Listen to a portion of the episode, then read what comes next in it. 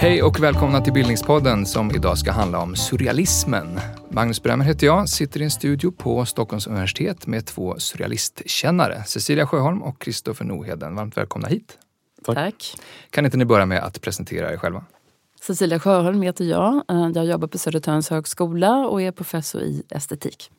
Kristoffer Noheden heter jag och jag är forskare i filmvetenskap vid institutionen för mediestudier här på Stockholms universitet.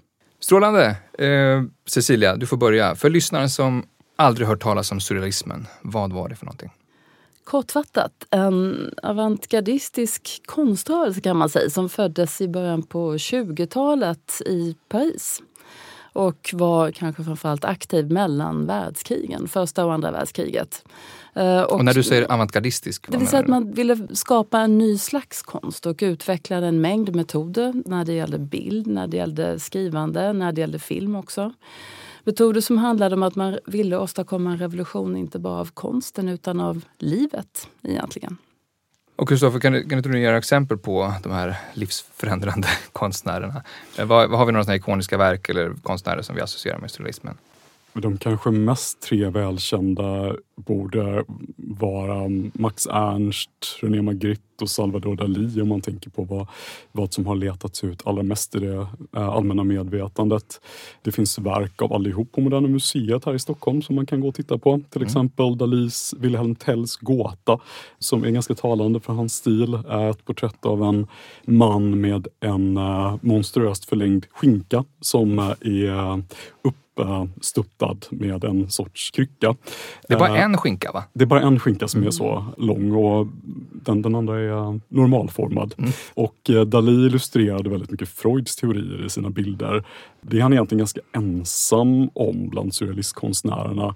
Alla var influerade av Freud men de andra var inte så intresserade av att illustrera det alltså Freuds begrepp exakt. Tittar man på Magrittes verk som den röda modellen till exempel som är två stövlar som övergår i människofötter framme vid tårna så är det någonting betydligt mer kryptiskt än vad till och med den kryptiska Dali gör. Mm. Vi ska komma in på Sigmund Freud och psykoanalysen lite senare, men jag kan ju höra ibland någon säga jag var med om någonting helt surrealistiskt igår. Hur nära är man att beskriva surrealismen som konstströmning, om man säger så? Jag tror ju att man generellt är ganska så mitt i prick. Mm. Alltså, om, om det känns surrealistiskt så skulle jag säga att det är surrealistiskt. Jag tror att det var väldigt mycket så att även om surrealisterna själva jobbade mycket med definitioner och hittade på nya liksom, idéer och begrepp och så vidare så handlade det väldigt mycket om, om just en slags omstötande upplevelse av verkligheten som man mm. ville liksom skapa och definiera. Så det handlar inte så mycket om huruvida man tycker en lång skinka är en surrealistisk grej utan mer att det utgår från upplevelsen? Ja, ja det skulle jag nog säga. Ja, men någonting som är intressant med surrealismen är ju att själva begreppet och vad rörelsen gjorde faktiskt har påverkat vår kultur så genomgripande att vi har ett språk för att prata om upplevelser som det inte fanns för hundra år sedan när surrealismen började liksom tänka på vad de gjorde. Så att surrealismen som begrepp och surrealismen som rörelse har ju faktiskt förändrat vår verklighet på det sättet att vi, vi numera har en känsla för en upplösning mellan det drömlika och det verkliga till exempel. Som de faktiskt upptäckte eller återupptäckte. Det är intressant. På vilket sätt det, det, det uppstod med dem? Så att säga. Vilka typer av tankar och formuleringar hade inte varit möjliga utan dem? Det är fel att säga uppstod egentligen och det tyckte surrealisterna också. De tittade på uh, gamla magiker, så kallade primitiva folkslag, undanträngda religioner och religiösa upplevelser till exempel som föregångare eller som parallella företeelser. Men det de menade hade försvunnit ur den liksom västerländska kapitalistiska, kristna, instrumentalistiskt inriktade moderniteten var uppmärksamheten på och erkännandet av att det finns andra dimensioner än de som vi upplever med vår liksom vaneblick på verkligheten. Och eh, genom att fokusera på drömmen till exempel och ta den på allvar som en upplevelse så visade de på att både psyket men också verkligheten är mycket mer än vad vi eller de lärde sig i skolan och av institutionerna, auktoriteterna, att man skulle fokusera på. Men ungefär när eh, inföll surrealismens guldålder? Ja, det första manifestet, det första surrealistiska manifestet skrevs eh, 24. Men det hade ju faktiskt kommit ut surrealistisk skrift även före det egentligen. Så att man kan säga att det fångade ju upp någonting. Sedan inföll surrealismens guldålder på 20-talet och under 30-talet. Och det fick något slags naturligt avslut skulle man kunna säga med andra världskriget. Därför att eh, Paris blev ockuperat. Men det hade också skett någonting som handlade om kanske en slags kommersialisering av delar av konsten i alla fall. Men sen eh, kommer det nya vågor av surrealism efter kriget? Ja, det gör det. Uh, framförallt genom att de kvinnliga konstnärerna trädde fram och får en ny betydelse efter andra världskriget under 50-talet och framåt. Vad skulle ni säga eh, var det mest originella med surrealismen? Både från vad som hade gjorts tidigare men också i sin egen tid och andra sådana ismer som ju var det avant modernistiska avantgardet ju innehåller. Mm, det där är en, en, svår fråga för mig att sätta fingret på. Jag skulle säga kanske framför allt är den viktig därför att den var så omfattande. Alltså på något sätt så ser jag den som en rörelse som spred sig via ringar på vattnet. Där man kanske började med manifest som var ganska, alltså möjligen skrivna för en ganska sluten publik där man vill, skrev att man ville åstadkomma vissa saker och så vidare. Kanske inte lätt för alla att förstå. Men den spred sig så oerhört snabbt och började liksom omfatta fler och fler delar av livet. Eh, och jag kan väl tycka att det intressanta är den här surrealismen som befrielserörelse överhuvudtaget. Att det handlade om hur man ser verkligheten i väldigt hög grad. Att man börjar se saker i verkligheten som man kanske inte riktigt har uppfattat förut. Att man börjar uppfatta också det som tidigare har uppfattats som onormalt på ett annat sätt. Till exempel eh, vansinne, som man kallade det förut, alltså mentala sjukdomar. Eh, I ehm, tidskriften Minotaur till exempel så gjorde man ett hyllningsreportage kring det man kallade för hysterikan.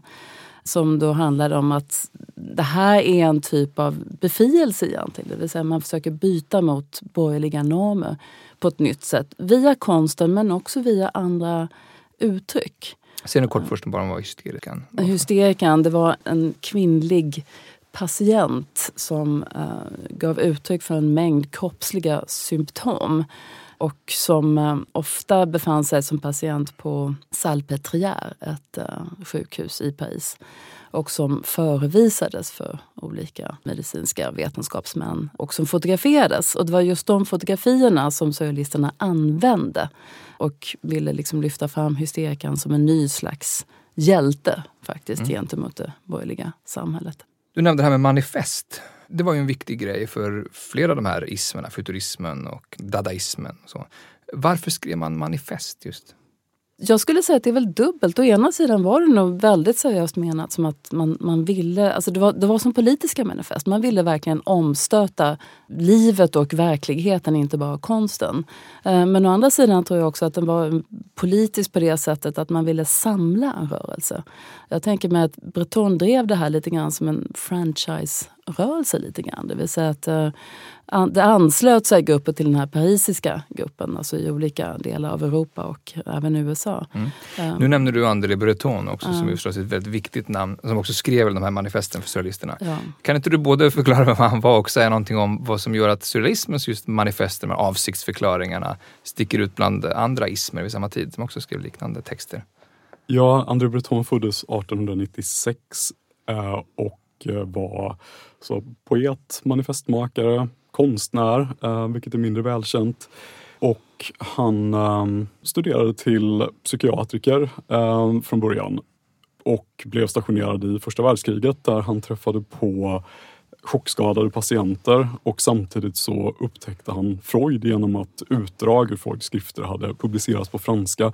Nu börjar jag prata om Freud här igen. Mm. Um, men han intresserade sig i alla fall för hur de här patienterna pratade. Eh, en sorts fragmenterat och eh, osammanhängande och irrationellt tal som Breton blev mer och mer övertygad om att eh, det var en sorts uttryck för det omedvetna. Alltså det som psykoanalysen menar finns inuti vårt medvetande fast under ytan och som vi normala sett inte ska ha tillgång till.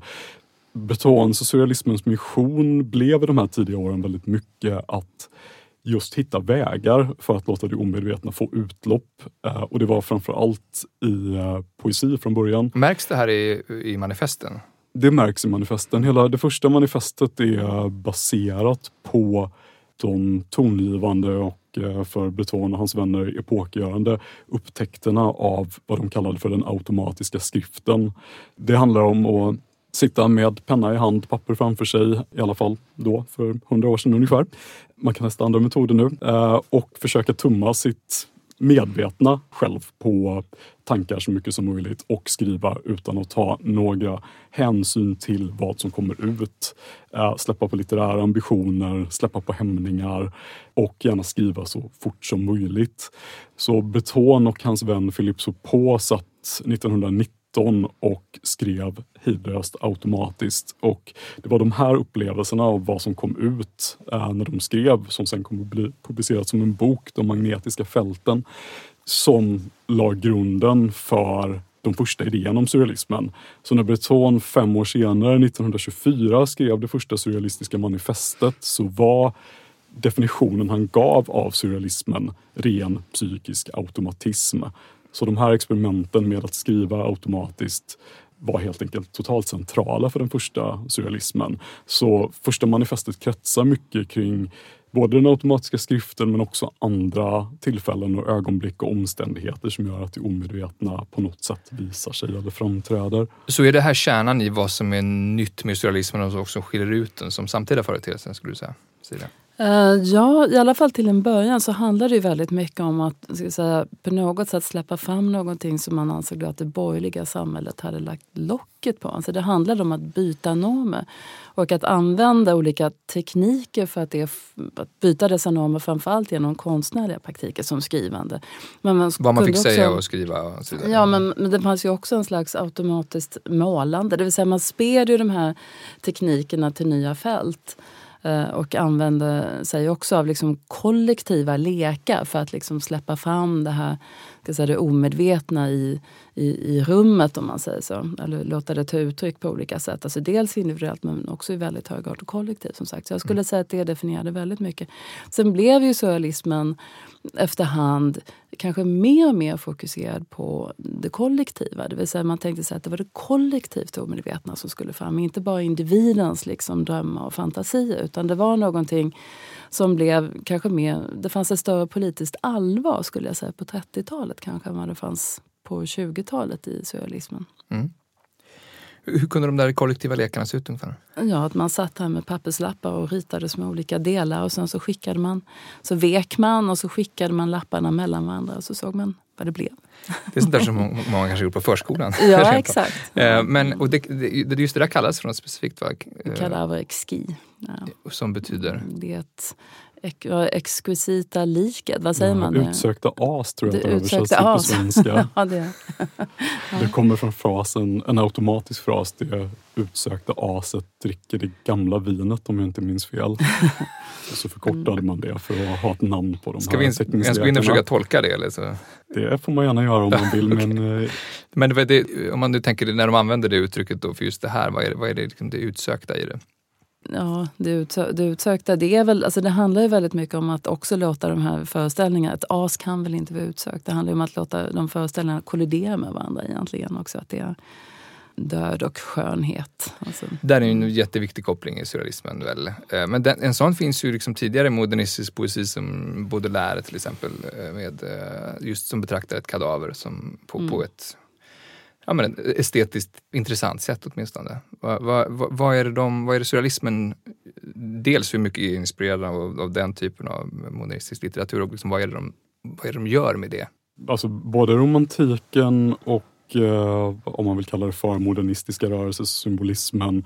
Eh, det är 1800-talets företeelse. Ja, mm. ja, precis. Um, är helt centrala för surrealismen. Och de, det som är något som är intressant med surrealismen som också skiljer dem ganska mycket från andra avantgarde-rörelser och framförallt från en mer schablonartad föreställning om vad avantgarde-rörelse är, är att de också aktivt erkände sin förhistoria och gick in för att utforska den.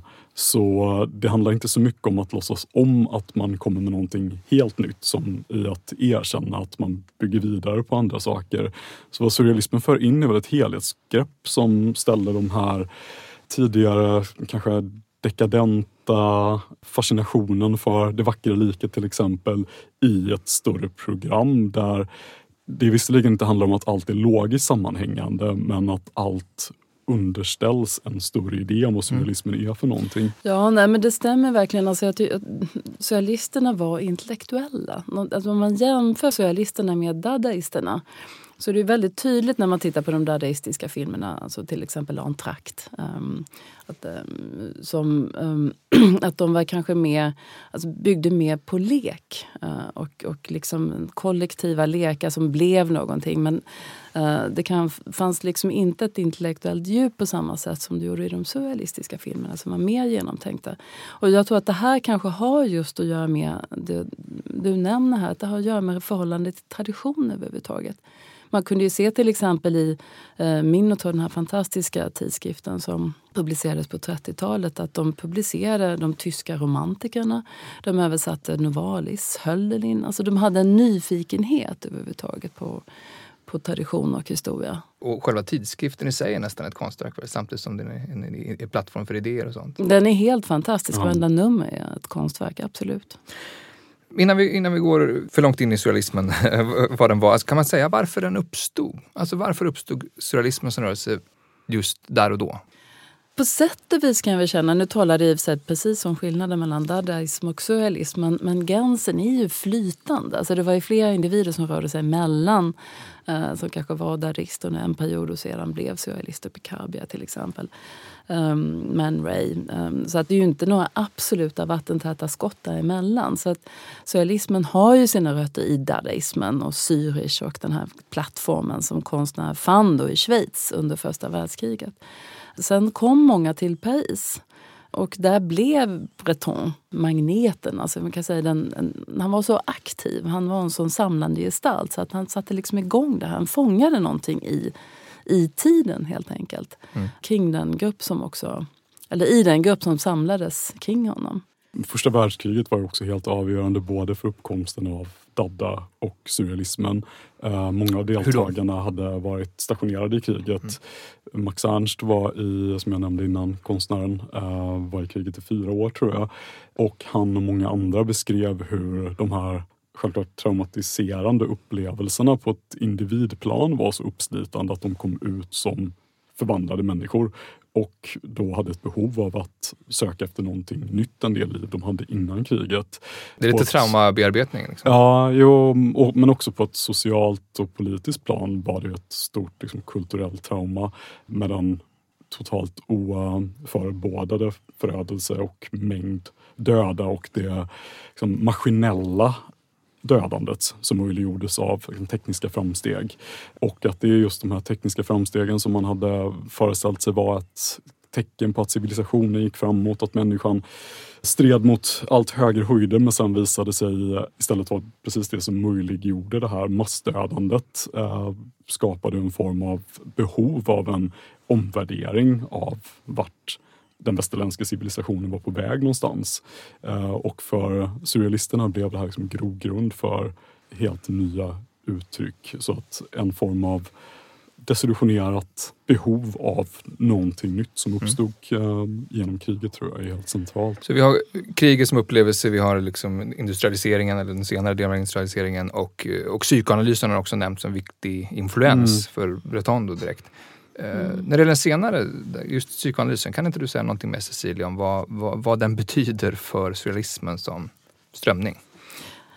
Den betyder oerhört mycket men det är liksom en väldigt specifik del av psykoanalysen. Ehm, det är, det är ganska intressant att samtidigt som surrealismen föds så skriver ju Freud sina stora skrifter om, om dödsstiften till exempel. Och det, det intresserar sig surrealisterna inte alls för egentligen. Utan de var intresserade av sexualiteten, begäret, Freuds teorier i drömtydningar till exempel. Om hur, jag säga, dröm, Eh, relationen mellan ord och bild är för Freud flytande. Och det är ju någonting som surrealisterna helt och hållet integrerar i sin konstnärliga praktik. Jag skulle säga, där har de kanske fortfarande sin största betydelse. Att de ser att medierna är inte så alltså, avgränsade från varandra utan vi lever någonstans i vår konstnärliga perception, alltså både med bild och text hela tiden. Och det är något som Freud formulerar för dem. Samtidigt som Freud också lär dem hur man kan praktisera denna automatiska skriften. Um, alltså hur går det till? Hur släpper man på censuren? Hur ska man få fram det som då kallas för det omedvetna. Vad, vad, vad, kan Freud säga om det? Så de läser ju vissa delar av Freud. Kompletterar de Freuds teori på något sätt? Jag tänker i, i Freuds fall handlar det om att ligga på divanen och försöka få bort den där censuren. Eh, de använder konkreta konstnärliga praktiker. Upptäcker de något i det? Alltså man brukar ju säga att de misstolkade eller vantolkade Freud. Eller missförstod. Eh, Hur då? Men, men, ja, därför att för Freud är ju censuren helt central. Om vi ska vara, liksom, leva i någon slags vardagsliv så måste vi liksom ha någon censur som på något sätt lär oss att skilja mellan dröm och verklighet. Men för surrealisterna var, var det precis den gränsen man ville riva ner. Uh, så att man, man läste liksom Freud mot, mot Freud, om man säger så. Mm. Uh, och det var det som var det revolutionära egentligen, som de såg det, i Freuds teori. Att man kunde riva ner den gränsen, man kunde lära sig någonting av Freud. Hur gick de tillväga då med den här automatiska skriften? tar den som ett konkret exempel. Var det, liksom, eh, var det droger inblandat för att komma bort från den där censuren? Eller hur? Väldigt sällan faktiskt. Mm. Surrealismen har aldrig varit en särskilt så här, drogorienterad rörelse även om deras bildvärld av förståeliga skäl gör att många tror det. Det fanns surrealister som Antonin Artaud till exempel som experimenterade med hallucinogena droger. Det fanns förstås surrealister som, som enskilt tog droger men det var inte något viktigt inslag i de här experimenten. De var mycket mer eh, konventionella på det sättet. De satt på sina Pariscaféer och drack Pernod eh, och, eh, och arbetade med sina kollektiva lekar och sina automatiska skrivande. Men det är också intressant tycker jag. Det är inte, man behöver inte se det som att det är någon form av hämning utan snarare som att det går att komma förbi hämningarna även utan droger. Är det så att nu, nu, nu, nu är tiden inne för att göra det utan hjälpmedel? Så att säga? Man tänker, det finns ju mm. i sekelskiftes okultism och liknande, man är ett medium besatt ja. av någon ande. Att det är en andlig kraft i någon, någonting som liknar lite grann ett automatiskt, konstnärer som har målat under andinflytande. Och så där. Är det så att det här är, det här, det här skiljer sig från det också? Ja, men det är sant. Den automatiska skriften kommer ju också lika mycket från de här sekelskiftesmediernas praktiker. Eh, så det är en, det är en form av syntes av Freud och en tidigare, som ofta parapsykologisk kanske vi kan kalla det nu. Så med, medierna på eh, vid sekelskiftet byggde sin verksamhet på att de eh, beskrev det som att de kom i kontakt med andar och att det var de här andarnas tankar som de kanaliserade i uh, sin automatiska skrift surrealisterna gjorde ungefär samma sak som de gjorde. Fast istället för att det var andra som kommunicerade till dem så menar de att det var det omedvetna. Mm. De menade också att det var det som hände med medierna också. Det var inte alls andra som talade till dem. Det var deras omedvetna men de hade inte ett språk för att beskriva det på det sättet. Mm. Så den automatiska skriften blir också egentligen surrealisternas bidrag till det Freud-inspirerade utforskandet av det omedvetna. Ja, man, man kan ju lägga till att eh, Breton försökte ju faktiskt träffa Freud. Det gick mm. inte så bra. Nej, Freud var inte alls intresserad av att ta emot honom. jo, men han träffade Freud. ja. Det gick bara inte bra. Nej, det gick inte alls bra. Det, Beton var jätteintresserad men, men Freud tyckte inte att han... Eller de hade inte så mycket att säga varandra uppenbarligen. I alla fall inte Freud. blir man väldigt nyfiken på vad som hände men det, var, det hände inte så mycket. Jag tror inte man vet så mycket om vad som faktiskt sades. Det finns, det finns bevarat ett par brev mellan Breton och Freud och det finns väl Bretons egen liksom, ögonvittnesskildring. Men Freud, jag tror att han blev ganska bedrövad av Freud som satt där um, på sitt kontor i Wien och uh, framstod som ganska instängd, både liksom rent fysiskt i sitt kontor och mentalt också. Så det var inte alls den här liksom, fria, frigörelsesökande anden som Breton hade hoppats mm. på att träffa. Så jag tror att det där den besvikelsen släppte nog aldrig riktigt taget. Freud uppfattade nog som att de hade missförstått vad, vad han var ute efter helt och hållet. Däremot fanns det ju en annan analytiker som är intressant att koppla till surrealismen och det är Jacques Lacan. Som faktiskt medverkade i ett nummer av Minotaur på, på 30-talet där han skrev om ett fall, två systrar, systrarna Papin, som mördade sin arbetsgivare. Och um, Lacan gjorde en, en analys av det fallet. Uh, och just Lacan kan man säga blev faktiskt på sätt och vis inspirerad av um, surrealisterna. Han befann sig i alla fall i utkanten av den rörelsen ett tag. Uh, och ett av Lacans stora begrepp är ju det imaginära som är ett surrealistiskt begrepp just. Och som handlar... Det är hämtat från surrealisten? Det vet man ju inte exakt, kommer det verkligen därifrån. Men det, men det fanns i alla fall som surrealistiskt begrepp och, och Lacan plockade upp det och det var helt centralt under hela Lacans alltså, verksamhet att, att använda det. Och det handlar ju väldigt mycket om, inte att man gräver i det omedvetna efter någonting som inte kommer till uttryck på något annat sätt om man inte för fram det genom automatisk skrift eller så.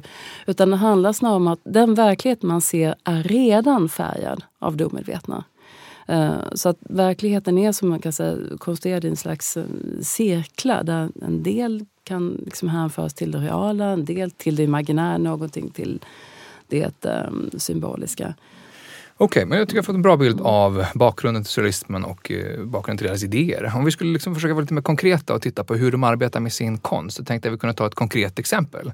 Eh, en film som heter Den andalusiska hunden från 1929. Ni kan själva som lyssnar på det här gå in och titta på filmen, den ligger på Youtube. Vi har lagt en länk på vår hemsida. Ni kan gärna titta nu på en gång och eh, höra diskussionerna efter. Kristoffer, vill du berätta först om vad, vad, vad, vad det här är för något? Vad är det för film? Den andalusiska hunden brukar betraktas som den eh, första riktigt lyckade surrealistiska filmen. Första filmen som levde upp till vad surrealisterna tänkte att filmen skulle kunna göra för någonting eller bidra med till surrealismen. Eh, den gjordes av två ganska unga spanjorer som hade flyttat till Paris som man gjorde på den tiden. Salvador Dalí som ju sen blev väldigt, väldigt välkänd som konstnär. Louise Buñuel som hade en lång karriär som filmare. Buñuel gick som lärling hos franska filmskapare som Jean Epstein, som han dock inte riktigt lyckades hålla sams med utan de bröt under inspelningen av en Edgar Allan Poe-filmatisering. Men han och hans ungdomsvän Dali började skissa på en film och fundera på hur, hur de skulle kunna göra. De var väldigt intresserade av surrealismen men de var det på avstånd. De hade inte riktigt vågat närma sig surrealisterna än. Men Buñuel Dali Dalí funderade på hur man skulle kunna göra surrealistisk film och inspirerades av uh, idén om automatismen. Men de är inte helt enkla att överföra till filmmediet. Man kan inte riktigt bara, tänkte de, ta en kamera och filma slumpmässigt utvalda saker. Det blir inte alls samma effekt som det blir att sitta och skriva automatiskt. Så de uh, testade istället att uh, skriva surrealistiskt på manusstadiet och satt och utbytte idéer med varandra. Så att den ena sa en mening eller beskrev en scen och den andra svarade med det som mm den kom att tänka på. Och som de beskrev det själva så avfärdade de allting som eh, kunde uppfattas som direkt symboliskt eller begripligt och bara det som var mest ogenomträngligt och oförutsägbart mm. fick vara kvar. Mm. Uh, så det är deras egen självbeskrivning och självförståelse hur filmen kom till. Och vad, det här kan vara en fråga som är lika relevant oavsett om man har sett filmen eller inte. Vad handlar den om?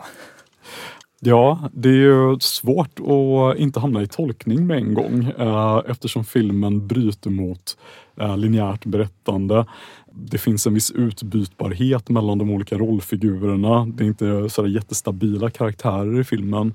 Men den handlar i alla fall om ett par som verkar vilja nå fram till varandra fast de är lite kluvna och de kämpar mot um, alla andra saker som tynger ner dem. Vilket ibland, eller på ett ställe visualiseras väldigt tydligt när mannen släpar två flyglar med eh, döda åsnor och ett par präster vilande ovanpå eh, bakom sig i lägenheten.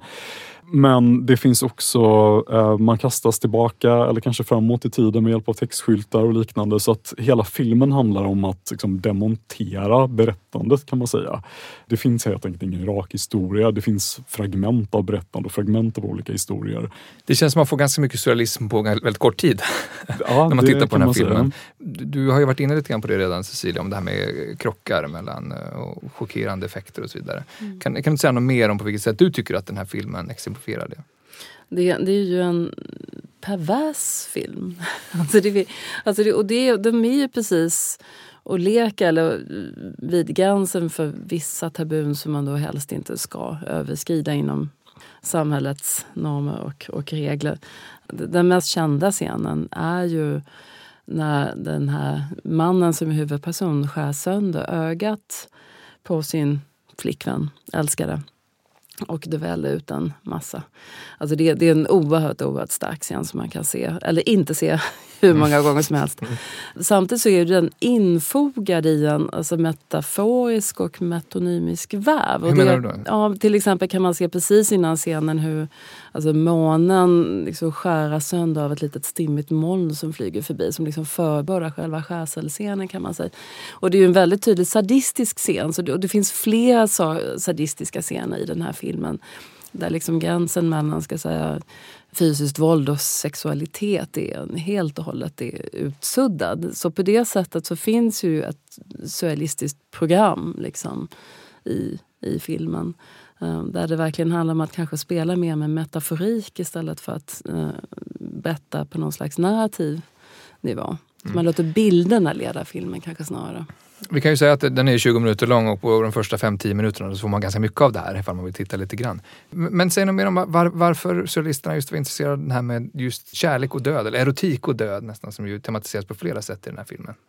Alltså man tänker ju sig väldigt mycket, alltså om vi nu går tillbaka till Freud, alltså det finns en slags grundprincip som handlar om begär. Alltså på något sätt, vi ska se världen på ett nytt sätt. Vi ska släppa fram ett begär som Eh, det borgerliga samhället har liksom tänkt undan. Vi, vi ska liksom släppa fram det i ljuset, vi ska visa folk vad det är. Och då handlar det väldigt mycket om att släppa fram sexualitet. Det finns ju väldigt, väldigt många mycket metaforik som är sexuell i den här filmen mellan myror och könshår. Men, men det, finns, det handlar ju också om att släppa fram förbjudna slags begär. Alltså som är de här sadomasochistiska scenerna anspelar ju på det. Bara så att vi hänger med i tiden där, kan du säga någonting om vad, vad, hur Freud tänker kring begär som inte släpps fram och så vidare? För centraltanken. Freud tänkte ju när han skrev dömtydningar att alla dömar styrs av begäret. Alltså det finns all, alla dömar har som något slags mål att, att visa fram ett omedvetet begär som i grunden är sexuellt eh, för Freud. Det handlar om en infantil sexualitet och det tycker jag också är väldigt tydligt liksom, kommer fram i den här filmen. Alltså det handlar om en infantilitet, det är inte ett vuxet begär egentligen. Hur tycker du det syns? Ja, dels att man går tillbaka i tiden, att man leker med olika tidsperspektiv och sen man säger att den här gestalten, alltså det är ju inte en tydlig sexualitet som kommer till uttryck på något sätt utan det är en, en, en kropp i bitar på något sätt skulle mm. man kunna säga. Musiken är intressant också. Det är en argentinsk tango och sen är det uh, Isoldes kärleksdöd ur, ur Wagners Tristan och Isolde. Väldigt starkt kopplat till passion, erotik, men också då död samtidigt. Säg något om musiken nu. Vad vet man om, om urval och sånt? Under premiären av filmen så stod Buñuel själv och uh, spelade musiken live från grammofoner bakom uh, duken. Mm. Så uh, den musik som man brukar höra när man ser filmen nu är rekonstruerad för att likna hur det lät ungefär. Men jag tror inte att det var riktigt lika väl synkroniserat i originalversionen som mm. det är just nu. Buñuel var också ganska nervös. Han stod med stenar i fickorna för att han var rädd för hur filmen skulle mottas och tror att han kanske skulle vara tvungen att uh, fly från för livet när filmen var över. Så, så han stod där med stenar i fickorna och uh, händerna på grammofonen och växlade mellan tango och uh, Wagner. ja, men apropå det, vi kan säga också om man vill veta mer om just det här här Wagner-stycket så pratar vi ganska mycket om det i avsnittet om Wagner. Eh, men, men alltså apropå stenarna i fickorna, hur togs den här filmen emot? Den togs emot med jubel av eh, uh, Parissurrealisterna som var i, uh, i publiken här. Som sagt, Buñuel och Dalí hade inte vågat närma sig surrealisterna riktigt innan men det här blev deras inträdesbiljett till surrealiströrelsen. De togs emot med öppna armar och uh, filmen betraktades som en uppenbarelse. Sen fick både den här och deras senare film Guldåldern som de gjorde året efter problem med fascister och eh, kulturkonservativa som tyckte att det stod för en form av dekadent estetik som man inte ville skulle komma till uttryck helt enkelt. Men den måste ha varit censurerad eller jag menar, vad visades den någonstans? Ja, den andalusiska hunden visades på olika filmklubbar i Paris. Det fanns en ganska livlig filmklubbskultur som inte heller utsattes för någon officiell censur egentligen. Men däremot kunde det hända saker som 1930 när Guldåldern hade premiär eller visades på en biograf där man i foajén samtidigt hade utställning av surrealistisk konst och det stället blev stormat av en fascistliga som skar sönder tavlorna och eh, ville stoppa visningen. Så att det fanns definitivt en, en stark turbulens. Och när, eller Guldåldern var ju också förbjuden i Frankrike i uh, flera decennier efteråt. Mm. Den, den bröt ju verkligen mot precis de normerna som fascisterna tyckte att den bröt mot. Så den var ju lyckad på det sättet. Mm. Alltså den retade precis de grupper som de ville reta. Ja. Var det så att själva instormningen också blev lite grann av ett konstverk? Eller är, är det för tidigt i konsthistorien? För den där? Konceptuell happening-aktigt. Nej, det, för det är lite för allvarligt ja. alltså, skulle jag säga. Ja. Mm. Mm. Om man tittar på stumfilmer, stumfilmens guldålder från samma, ungefär samma tid, så är det, det är ju inte samma sak. Man, säger så. Det, man förstår att det, att det måste vara kontroversiellt. Ja, samtidigt så är det också något intressant med den här filmen och med surrealisternas inställning till film att de var betydligt mer förtjusta i vad vi kanske skulle kalla för mainstreamfilm Hollywoodkomedier, franska spänningsföljetänger och liknande än vad de var i det mesta av det som kallas för avantgardefilm, alltså självmedvetet konstnärlig experimentell film. Så att de gick mot strömmen även vad gäller hur avantgardet i övrigt tittade på mm. film. Så tittar man på den här hunden så kan man ju se att i flera av sekvenserna så använder egentligen Buñuel ett ganska konventionellt kompositions och bildspråk, till och med liksom fragment av en ganska konventionell dramaturgi. Det är bara det att det bryts sen genom att man kastas ut ur handlingen. Eller då genom att han förstås visar tabubelagda saker som en, mm. uh, en sorts liksom nästan besatt sexualdrift och liknande. Men det finns en, en intressant spänning mellan det konventionella och det totalt normbrytande mm. i, i den här filmen. Vi har pratat om det utsökta kadavret. Det finns ett annat surrealistbegrepp som explosion fix Eh, det, det, känns som att det kan vara relevant att förklara vad det handlar om i relation till det här. Cecilia, vill du säga något om vad det var? För? Fix, alltså det är väl kanske framförallt så att det, jag skulle säga att det uttrycket blev väl kanske viktiga efter um, själva rörelsen. Alltså det, för, för, att det var namnet på en utställning vid Pompidou. Och det är det, myntat efteråt? Nej, det var myntat under tiden men det kanske liksom blev mer uppmärksammat av surrealistforskare som Rosalind Krauss och så vidare. Vad är det man vill ringa in med begreppet? Precis som eh, det utsökta aset som vi pratade om innan så är det, handlar det också om att fånga en motsättning genom att ställa upp två olika poler. Det utsökta och det aset och det fixerade och det explosiva. Eh, och Breton lanserar ju tanken på det fixerat explosiva som jag tror att man kan översätta det till på svenska som en del av hur han definierar den konvulsiviska skönheten som han försöker lansera som liksom surrealismens begrepp om vad skönhet är för någonting. Och det konvulsiviska är ju alltså någonting som är liksom ryckande och som återigen eller som leder tillbaka till intresset för det hysteriska till exempel. Ja. Så det handlar om, om en form av skönhet som beter sig på ett sätt som den klassiska skönheten verkligen inte gör. Och som både i sig är omskakat men också skakar om betraktaren som en elchock eller ett hysterianfall. Mm. Nu har vi hittills bara pratat om manliga konstnärer. Eh, det, det, det här var väl inledningsvis en väldigt manlig rörelse?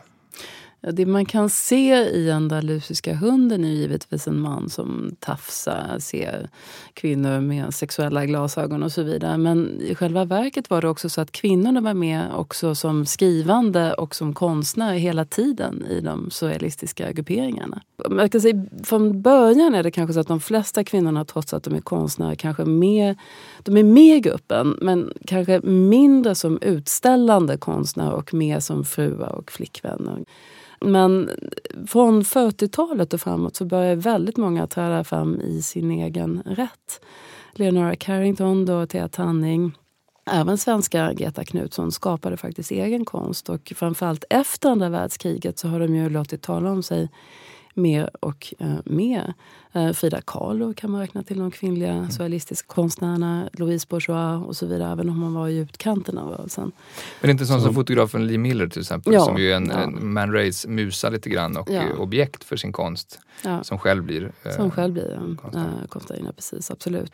Lee Miller är också intressant för att hon också samtidigt som hon intog en roll som mus också var tämligen självmedveten i hur hon agerade som som modell. Men om man tittar på, på den allra tidiga surrealistaktiviteten så är det ju precis som Cecilia säger så att det inte syns några kvinnor på utställningar och liknande men däremot publicerade vissa kvinnotexter redan i de tidiga tidskrifterna. Som Simone Kahn till exempel som publicerade automatiska texter i La Revolution Surrealiste som var deras första tidskrift. Så att de finns hela tiden närvarande. Sen är det ju en social, eh, delvis patriarkal dynamik i surrealistgruppen som speglar resten av samhället som gör att det inte är lika självklart att kvinnor skriver under manifest och deklarationer och liknande. Så det finns en, en snedfördelning på det sättet men samtidigt också en väldigt stark kvinnlig närvaro. Och eh, jag håller verkligen med om att de här diskussionerna om sexualitet men också mycket annat, surrealismen också verkligen handlar om att demontera en sorts machokultur. De har sett den, den manliga sexualiteten, som väl kanske exempelvis en sån här film uttrycker, under lupp mer än vad man bara ställer ut den. Ja, ja, precis. Och det är ju, jag menar, Nandaluskunden visar ju inte en klassiskt dominerande självsäker manlig sexualitet. Det är ju en uh, orolig, motsägelsefull och mer polymorf sexualitet. Ja, och jag håller med. Alltså, de, skrev, de var med i tidskriften och det tycker jag är viktigt för det betyder också att de var med i gruppen. Mm. Alltså de var med i kollektivet. Mm. Uh, Greta Knutsson till exempel var ju den som introducerade tysk romantik i väldigt hög grad. Översatte Novalis och så vidare och fick den, resten av gruppen att få upp ögonen för den typen av litteratur. Mm. Så hon, hon, var ju en del av surrealismen på det sättet. Men blev som sagt inte utställande förrän senare. Egentligen. Skulle du säga att, att eh, surrealismen är mer progressiv på det sättet än exempelvis futurismen? Våldsromantiserande, också en manlig rörelse. Det fanns ju implicit faktiskt i surrealism just det här att den här uppmaningen att liksom utforska dig själv. Alltså det fanns ju någonting som även kvinnorna verkligen kunde gräva ur. Alltså en uppmaning att för dem att hitta det som sen var specifikt för dem själva som kanske inte liksom kom till uttryck förrän efter andra världskriget, det vill säga i en andra våg skulle man kanske kunna säga av surrealism. Men det var ju samma slags surrealism egentligen även om det kom ett, ett lite annat uttryck ur den. Är det så att eh, även om det är en andra våg av samma sak, vad är, vad är, det, vad är det som den där generationen bidrar med till surrealismens historia? Så, vad, kommer andra saker till uttryck ändå? Men jag tycker, alltså det, det blir lite grann ska säga, en explosion av berättande om kvinnlig subjektivitet skulle man kunna säga. Så de undersöker i väldigt hög grad sin barndom, drömmar, barndomsminnen och förknippar det också med en slags um, mytologi. Mm. Uh, det vill säga man använder väldigt mycket grekisk mytologi, liksom, går tillbaka till den och liksom, uh, gör väldigt mycket självporträtt av sig själva i olika djurhamnar med olika mytiska konnotationer. Och det handlar väldigt mycket om att upptäcka en slags kvinnlig subjektivitet en kvinnlig sexualitet uh, och ett kvinnligt sätt att liksom se och vara konstnär på, mm. skulle jag säga. Hur politisk skulle ni säga att, att surrealismen är som rörelse i helhet? Blir den mer politisk? Oerhört politisk. Eh, I, I början finns det en kanske mer intuition om en, en revolutionär ambition som utgår från omförhandling av subjektiviteten. Men 1925, ett år efter att första manifestet lanserades, så, så blev surrealisterna liksom politiserade på allvar i och med att de fick upp ögonen för hur den franska kolonialmakten betedde sig på ett djupare plan. Och då blev det en sorts omedelbar medveten politisering där de vände sig till kommuniströrelsen som framstod som det mest radikala alternativet då. Och någonting som är intressant med surrealismen är att den aldrig släpper den här politiska ambitionen men däremot får problem med den praktiska politiska tillhörigheten för att surrealisterna inte vill kompromissa med sina egna föreställningar om att man inte kan skilja den mentala poetiska revolutionen från den materiella revolutionen. Så de, de blir tidiga med att bryta med stalinismen till exempel 20 år innan andra intellektuella liksom förstår problemet med stalinismen om man ska förenkla lite så bryter surrealismen totalt med den. Och det innebär också att de vänder sig till Trotskij, den eh, kommunistiska tänkaren, till anarkismen. De återupptäckte den gamla utopiska socialisten Charles Fourier runt andra världskriget. Så politiken är definitivt närvarande hela tiden men också ett föremål för förhandling för att hitta fram till någonting som passar med surrealismens stora ambitioner överlag. Det är en väldigt anspråksfull rörelse. Ja, alltså målet var revolution. Så var det verkligen. Men, och revolution är inte bara materiella villkor utan också av immateriella världar. Alltså hur ser man verkligheten? Att på något sätt göra verkligheten större skulle man faktiskt mm. kunna säga. Var det alltså väldigt tydliga mål och då var konsten ett medel för det. Men man ville ju att hela människan skulle förvandlas, inte bara liksom utställningsrummen. Det var egentligen sekundärt. Var det framförallt det här borgerliga tänkandet som man ville bryta mot? Då, ja, därför att det borgerliga tänkandet var eh, förtryckande. Och sen så fanns det någonting också i det här kan man säga, alltså, det fanns en idé om jämlikhet och så vidare som man väldigt hög grad delade med liksom, franska kommunistpartiet. Så man förde ju hela tiden en eller man hade ju hela tiden en relation med det franska kommunistpartiet men den var i långa perioder väldigt um, besvärlig. Mm. Just stalinismen blev den stora knäckfrågan. Mm. Uh, och um, Breton åkte ju sen till Mexiko också i slutet på 30-talet och träffade Trotskij bland ja. annat. Och uh, det sägs väl att de skrev ett han skrev i alla fall ett manifest och det sägs att Trotskij också var med på det manifestet. Alltså det, mm. För man ville ha en världsrevolution, alltså något som var riktigt omstötande. Du Kristoffer har varit inne på din forskning till och med någon slags ekokritisk eh, dimension i det surrealistiska tänkandet. Vad, vad, vad gick den ut på? Om man tar ett långt perspektiv på surrealismen som jag tycker om att göra i, i min forskning så uh, kan man se att i och med andra världskriget uh, så, uh, så får Breton som förblir central, eh, men också andra surrealister upp ögonen mer och mer för hur det industrialiserade och teknokratiska samhället hotar att utplåna världen helt enkelt. Det är liksom en stor lärdom som alla tar av andra världskriget. Och i svallvågorna av det så utvecklar eh, många av surrealisterna ett tydligare intresse för naturen, men också för frågor om att bevara naturen, naturen som en kunskapskälla, naturen som en upplevelse. Och surrealister som Leonora Carrington som vi har nämnt utvecklar ett uh, uttryckligt ekologiskt medvetande. Eftersom jag är av um, övertygelsen om att surrealismen egentligen aldrig upphör utan fortsätter fram till idag så kan man se mer och mer uttalade ekologiska ståndpunkter hos en rad olika surrealister. I USA fanns det en extremt aktiv surrealistgrupp i Chicago från slutet av 60-talet och eh, ja, de är egentligen aktiva fortfarande. På 1980-talet så gjorde de gemensam sak med miljörörelsen och blev en del av det eh, kontroversiella och radikala aktivistnätverket Earth First till exempel. Så det, det finns alla möjliga direkta eller indirekta kopplingar mellan surrealism och eh, miljötänkande och djurrättstänkande. Och jag spårade tillbaka ända till rörelsens början.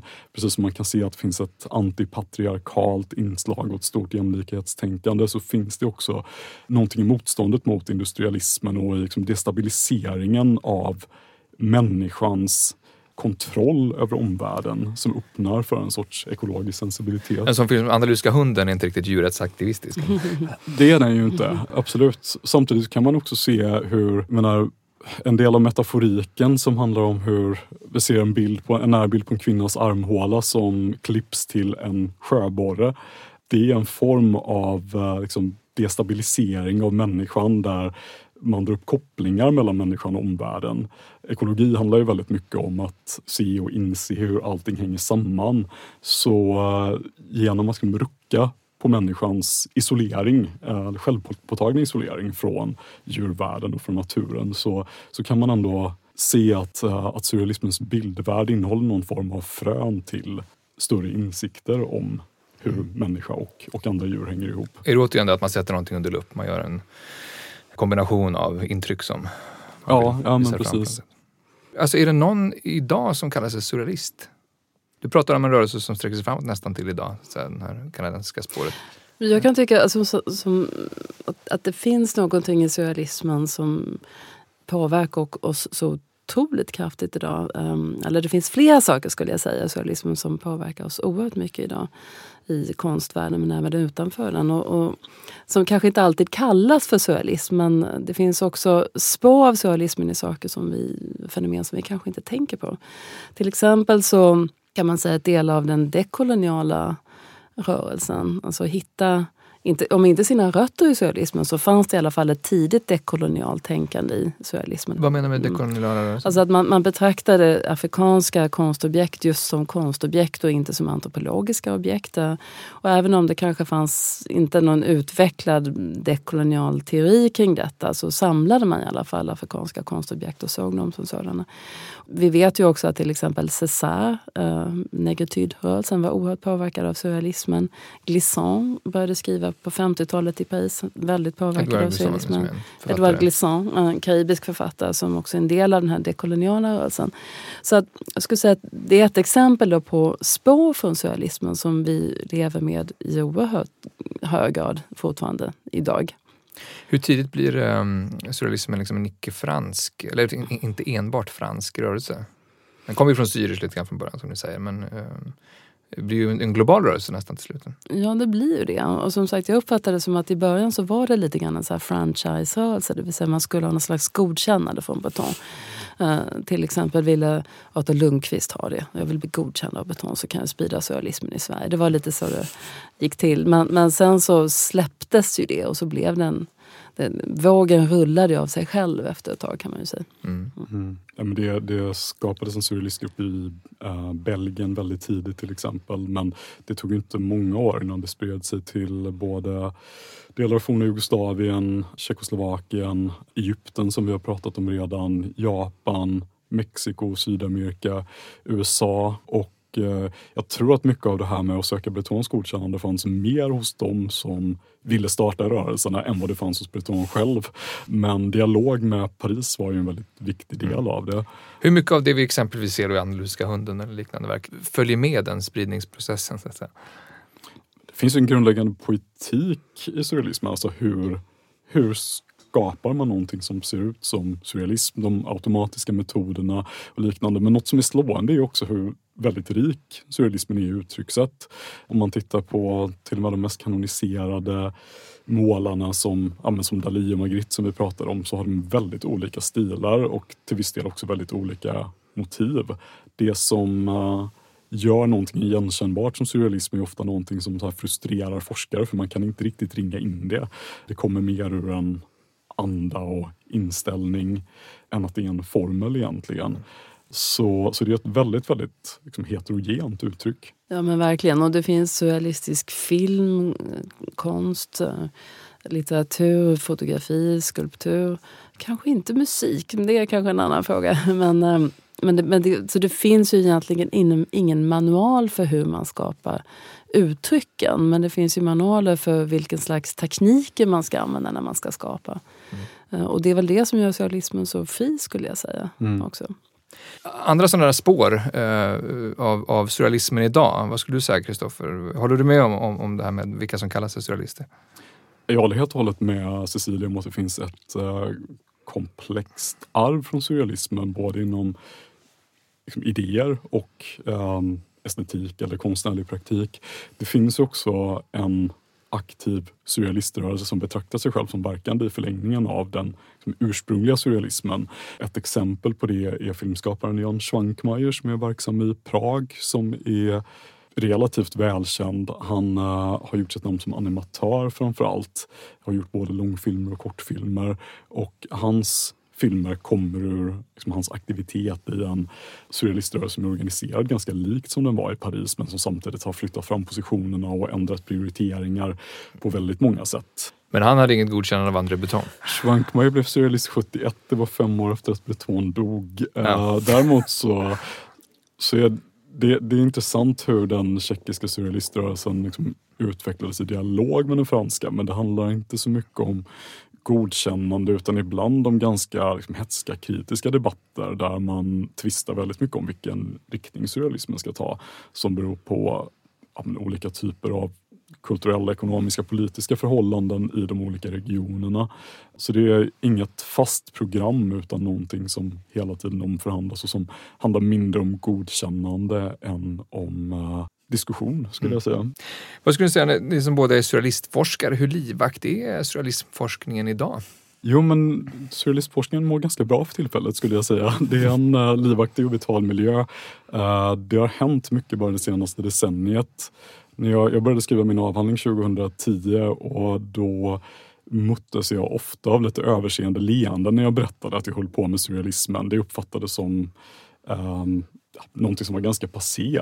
Men... Det var mycket hetare när Cecilia började forska om surrealismen. Var det så? Ja men det, alltså det går ju i vågor. Ja. För, för, när jag skrev då, då hade man precis börjat skriva väldigt mycket om kvinnlig surrealism, mm. om surrealistisk fotografi och då upptäckte en massa nya saker. Sen la det sig väl ett tag mm. och sen, sen kommer den våg som du talar om nu. Ja, mm. jo, uh, men, ja, men jag uppfattar det som att mycket tidigare ganska låsta positioner har börjat öppnas vad gäller just då, ja, men det började ju med att man riktade blicken mot de kvinnliga surrealisterna till exempel. Eh, men också mot att man tittar på surrealism på andra ställen än i Frankrike, tittar på andra historiska perioder. Så att eh, det är en helt, en mycket bredare och mer sympatisk surrealism som blir synlig i forskningen nu än vad det brukade vara, mm. skulle jag vilja påstå där också det här som du pratar om, det dekoloniala och antikoloniala faktiskt har blivit... Men det finns en lite mer subtil förståelse för det än vad det gjorde för ett antal decennier sedan i alla fall. Vi ska, vi ska börja runda av, men för den lyssnare som eh, kanske vill ta eh, ett steg till och eh, närma sig ett specifikt verk, har ni något tips på ett surrealistiskt verk som man skulle kunna börja med efter den andalusiska hunden? Här nu? Jag, jag, tycker väldigt mycket om de kvinnliga surrealisterna överhuvudtaget. Det är deras bildvärld, deras liksom ex, väldigt explosiva sätt att använda liksom symboler, myter, färger. Mm. Uh, Ta några namn igen då så kan man googla. Dorothea Tanning, uh, Leonora Carrington. Båda målar nästan en slags svävande uh, bildvärldar som, som är oerhört ska säga, fängslande. Och, och inbjudande ska jag säga för att den är så personlig också, alltså deras värld att, att tränga in i. Men sen vill jag också nämna Claude Cahun. Vi har inte talat så mycket om det surrealistiska fotografiet men hon var så, eller han var så otroligt banbrytande i sitt sätt att uh, göra porträtt av sig själv av en gestalt som var vare sig manlig eller kvinnlig och på det sättet bröt kanske mot surrealisternas egna normer på många sätt egentligen också. Kristoffer? Jag kan inte låta bli att eh, nämna Leonora Carrington jag här också, men jag, jag kan nämna hennes uh, skönlitterära verk eftersom hon var författare också. Ytterligare något uh, typiskt för surrealismen att de flesta inte höll sig till en genre utan gärna testade på olika. Så Leonora Carringtons uh, eko utopiska roman The Hearing Trumpet skulle jag vilja nämna som ett verk som man gärna kan läsa. Och sen Jan Schwankmeier som jag pratade om innan också, en fascinerande filmskapare från Tjeckien som också har gjort en rad collage och assemblage, alltså objekt som föreställer imaginära djur. Så Carrington och Schwankmeier är eh, mina tips. Strålande. Tusen tack Kristoffer Noheden och Cecilia Schön för att ni ville vara med. Tack. Tack Magnus. Tack alla ni som har lyssnat. Vi är tillbaka om en vecka med en anekdotessä och eh, om ett par veckor med ett nytt eh, bildningspoddssamtal. Vi hörs då. Tack och hej. Du har lyssnat på Bildningspodden, en del av bildningsmagasinet Anekdot.